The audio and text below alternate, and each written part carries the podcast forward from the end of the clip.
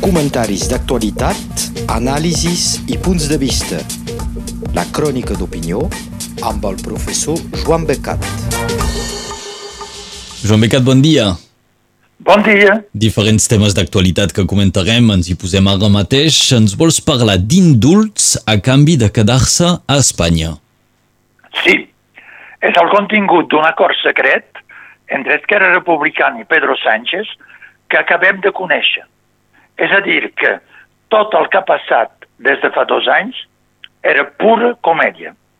En efecte, acabem d'aprendre, doncs, una de grossa de la boca de Joan Tardà a la ràdio i televisió espanyoles a Catalunya. Podeu escoltar el seu interviu a internet fent rte.es i ja veureu. Joan Tardà era diputat per Esquerra Republicana a les Corts de Madrid i portaveu del seu grup. Doncs el representava i negociava amb els altres grups polítics espanyols, en aquest cas el PSOE. Ha declarat que en una negociació amb Pedro Sánchez, perquè Esquerra Republicana li doni suport i que ell sigui cap de govern d'Espanya, Esquerra Republicana va acceptar que hi hagi una taula de diàleg sense autodeterminació contra, a canvi de l'indult dels presos polítics, entre altres, el cap del seu partit, Oriol Junqueras. Dit d'una manera més clara encara, Esquerra Republicana renunciava a la independència i a l'autodeterminació a canvi dels indults. S'entén ara perquè des de llavors Esquerra Republicana reactiva l'autonomisme, abandona la república, considera el referèndum de l'1 d'octubre com a no vinculant, com a una etapa. S'entén perquè el president aragonès s'aferra a un diàleg que no funciona, passi el que passi. S'entén perquè Pedro Sánchez només parli de diàleg i faci una reunioneta quan li va bé. Per exemple, ara, quan necessitava ensenyar a Europa que hi ha entesa entre ells per evitar les conseqüències del catalanquet. Fins i tot s'entén que els membres de Junts, el govern, se quedin i acceptin aquesta vergonyosa situació.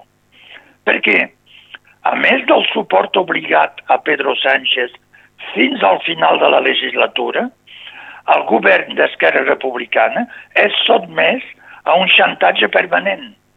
En efecte, l'indult atorgat als presos polítics catalans per Pedro Sánchez no és total.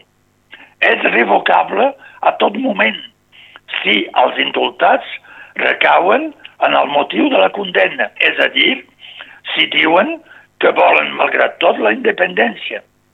Però tots ho diuen constantment, perquè bé davant dels seus seguidors a Catalunya, que són en majoria ells realment independentistes.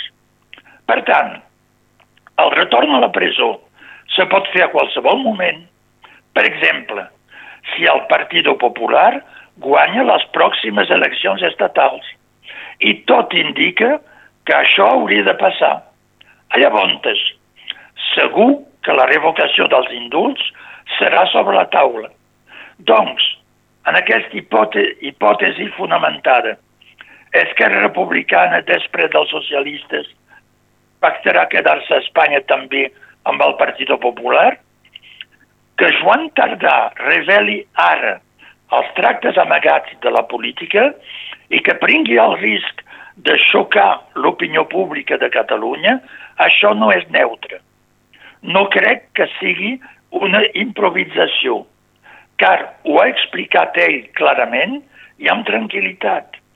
Davant de la sorpresa de la periodista que li feia l'interviu filmat, que podeu veure, i que li ha fet confirmar una segona vegada l'acord d'indult contra investidura i taula de diàleg, Tardà ho ha repetit detalladament, valorant-ho positivament com una bona jugada. Ja hem parlat de la crisi actual entre partits independentistes, però l'acord entre Esquerra Republicana i els socialistes per treure la presidenta del Parlament, Laura Borràs, pren una dimensió diferent. De fet, aquests dos partits en aparença oposat són còmplices des de l'inici i s'entén que els calgui treure la representant de l'ala més independentista de Junts i deixar aquest partit a les mans dels més moderats i autonomistes. No sabem si els dos secretaris d'organització successius de Junts, Jordi Sánchez i Jordi Turull, ells mateixos indultats, entren en aquest joc. Pot ser no. Aquests dies, les bases de Junts estan reclamant la saïda del govern després de la destitució de Laura Boràs i un vot de la militància. Doncs perill. Era doncs el moment per Esquerra Republicana de recordar a tots els dirigents de Junts, que segur ho sabien, quines eren les condicions del pacte. Joan Tardà se n'ha encarregat, ara que no és més diputat, però que és sempre un dels dirigents influents d'Esquerra Republicana. En conclusió, tot això m'ha fet pensar a la reflexió encertada d'Eduard Herriot als anys 30, que comparava la política a l'endulleta, que, com sabeu, és una botifara feta amb els intestins dels porcs i dels vedells, deia l'Herriot. La politique, c'est comme l'andouillette. Ça doit sentir un peu la merde, mais pas trop. I, en efecte, últimament, la política catalana no fa gaire olor de rosa. Se direm. No gens. Bé, amb Joan Becat analitzem i comentem l'actualitat. Deixem Catalunya Sud. Ens parles ara de l'onada de calor i dels incendis. Sí, que és l'actualitat eh, més immediata. El gran incendi prop de Bordeus i d'Arcachon, el gran bosc de pins de les Landes, ha durat 12 dies i ha cremat 20.000 hectàrees. Per sort, no ha matat ningú, ni habitants ni bombers. Per sort, la memòria, ara bé, conserva l'impacte d'un incendi semblant fa temps, l'any 1949, que va cremar 50.000 hectàrees, més del doble que aquest any, i que ha matat 82 bombers i soldats, tots cremats al mig de les flames. Cal dir que llavors l'equipament de lluita faltava i com també les pistes i les obertures dins el bosc per accedir-hi. Si mirem a Google Maps les fotografies aèries detallades de la zona cremada al juliol, veurem que les cases cremades i els càmpings destruïts eren dins el bosc, realment dins el bosc, amb els pins inflamables del bosc tocant els últims mobilomes i els pins fent ombra dins els càmpings. Una imprudència increïble i una gestió culpable de l'administració de tutela, prefectura i ajuntament. Perquè a casa nostra, en zona mediterrània, s'exigeix de desbrossar sobre 50 metres al voltant de les cases i de les urbanitzacions. A Arcachon i altres zones de la regió que hagin cremat o no, que se n'hagin escapat, la situació ara és sempre d'una imprudència boja. Aquest gran incendi és en relació amb la onada de calor que hem conegut al juliol, ella mateixa, deguda al canvi climàtic, és cert. Una onada més forta ha tocat encara l'Índia i el Bangladesh aquest any, amb temperatures superant 50 graus. L'any passat, una fortíssima onada de calor, recordeu, acompanyada d'incendis enormes, ha tocat Califòrnia, que és habitual allà, com a casa nostra, però també molt més al nord, a la Colòmbia Britànica, al Canadà, un país habitualment fresc i humit l'estiu, que ha vist incendis gegants destruir els boscos, sense que el Canadà tingui els mitjans necessaris per combatre. El que és més curiós és que la firma Bombardier que fabrica els canaders, com diu el nom, és del Canadà i no en tenien. us havia explicat, quan va passar, que les onades de calor excepcionals a llocs que no les coneixien, com també les gotes fredes que provoquen grans inundacions a altres moments de l'any, com a Alemanya l'any passat, eren degudes a les pertorbacions de les masses d'aire provocades pel canvi climàtic. Se desplaça cap al nord o cap al sud el gran corrent d'aire d'altitud que envolta la Terra amb sinuositats.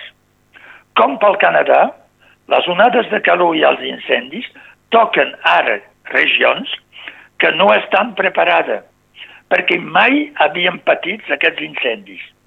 Per exemple, fa quatre anys ha tocat Suècia, la Suècia, on un incendi ha cremat 25.000 hectàrees, fins a Lapònia, fins al Gran Nord. Els bombers suecs no coneixien les tècniques per combatre un tal incendi i el país, que és ric i modern, no tenia cap canader. Són els bombers del sud d'Europa, especialment de Provença, i els canaders de Nimes que els van ajudar. Ara formen els seus bombers que s'equipen ràpidament i dissenyen plans de lluita contra el foc i canvis de gestió del bosc. Per tant, tot això continuarà i s'amplificarà, tant les onades de calor com els grans incendis. Anem, en pocs anys, cap a més freqüència del fenomen. Ara, no sembla excepcional, però passarà a ser habitual. Com per totes les coses dolentes, hi ha un costat aprofitable. És la reflexió sobre la gestió i la composició dels boscos que ara se comença petitament a fer. És sobretot la necessitat evident d'afrontar el canvi climàtic de debut. Veieu, caldrà encara més destrosses i ara morts per convèncer l'opinió i els poders públics d'actuar.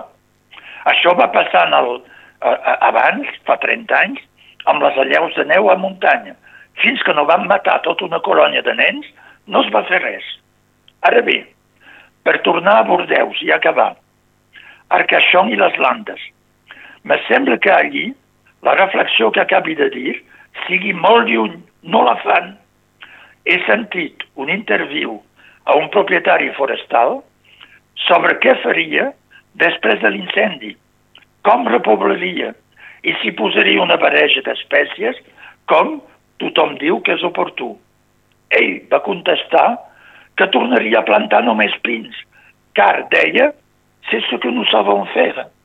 Per tant, adiu a l'incendi que, que acaba de passar, però bon dia a tots els incendis futurs. Res sí, més. sí, sí, aquesta és la situació. Joan Becat, seguim. Ens queden uns minutets. No sé si seran ja suficients prou. per comentar el darrer tema. Ens parles de Kosovo, Espanya i Catalunya. Sí. És lligat al primer ministre espanyol Pedro Sánchez, que ara presidirà la Unió Europea, i que aquest senyor atia les tensions en un dels punts més calents d'Europa, els Balcans, on se va produir, recordeu, als anys 90, una guerra terrible d'anys, suscitada per Sèrbia i per les poblacions sèrbies de les altres zones de l'ex-Iugoslàvia, com Bòsnia, amb massacres i genocidi. Sèrbia, que té avui dia un règim autoritari, que Pedro Sánchez ha anat a ajudar, no s'ha penedit de res i no ha lliurat els criminals de guerra, per això Sèrbia no entra dins la Unió Europea. Doncs ell la va veure i els ajuda. Ha declarat allà mateix que sempre Espanya seria a costat d'ella pel que fa al Kosovo, que s'ha fet independent fa 14 anys i que Sèrbia vol sempre recuperar militarment, evidentment, amb el suport de Vladimir Putin. Ell també n'és un fan. L'endemà Pedro Sánchez era a Albània, que acaba de reconèixer la independència de Kosovo i que Albània té una població albanesa com Kosovo. Va declarar Pedro Sánchez davant del cap de govern albanès que Kosovo havia violat el dret internacional. Diu ell, no és veritat. i que Espanya no el reconeixeria mai. Per què?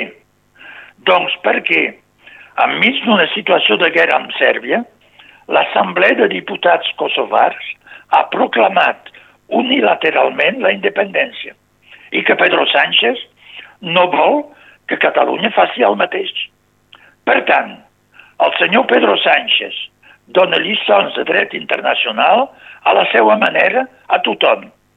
Però Albània i Kosovo poden ser tranquils, perquè sobre 44 estats que hi ha a Europa, 33 han reconegut aquesta independència. Entre altres, França, Alemanya, el Regne Unit, Itàlia, Bèlgica, Polònia, tots els estats escandinaus i bàltics reconeixen Kosovo i fins i tot Andorra. I en el món, dels 193 membres de les Nacions Unides, 136 han reconegut la independència de Kosovo. Eh, I, per tant, dins la Unió Europea, només quatre estats no el reconeixen. I per què? Doncs perquè tots quatre tenen problemes amb minories nacionals que no volen reconèixer. És Eslovàquia, Romania, Grècia i Espanya amb Catalunya. Ara bé, crec que Pedro Sánchez, en lloc de donar lliçons, se l'hauria d'aplicar a ell mateix. Hauria de recordar que Espanya ha firmat els acords internacionals de, la, de les Nacions Unides que reconeixen el dret dels pobles a l'autodeterminació, doncs també per Kosovo i Catalunya. Només li falta aplicar-ho. És el punt de vista del nostre col·laborador Joan Becat que comentava aquesta situació avui. Moltes gràcies. Bon dia a totes i a tots. Comentaris d'actualitat, anàlisis i punts de vista. La crònica d'opinió amb el professor Joan Becat.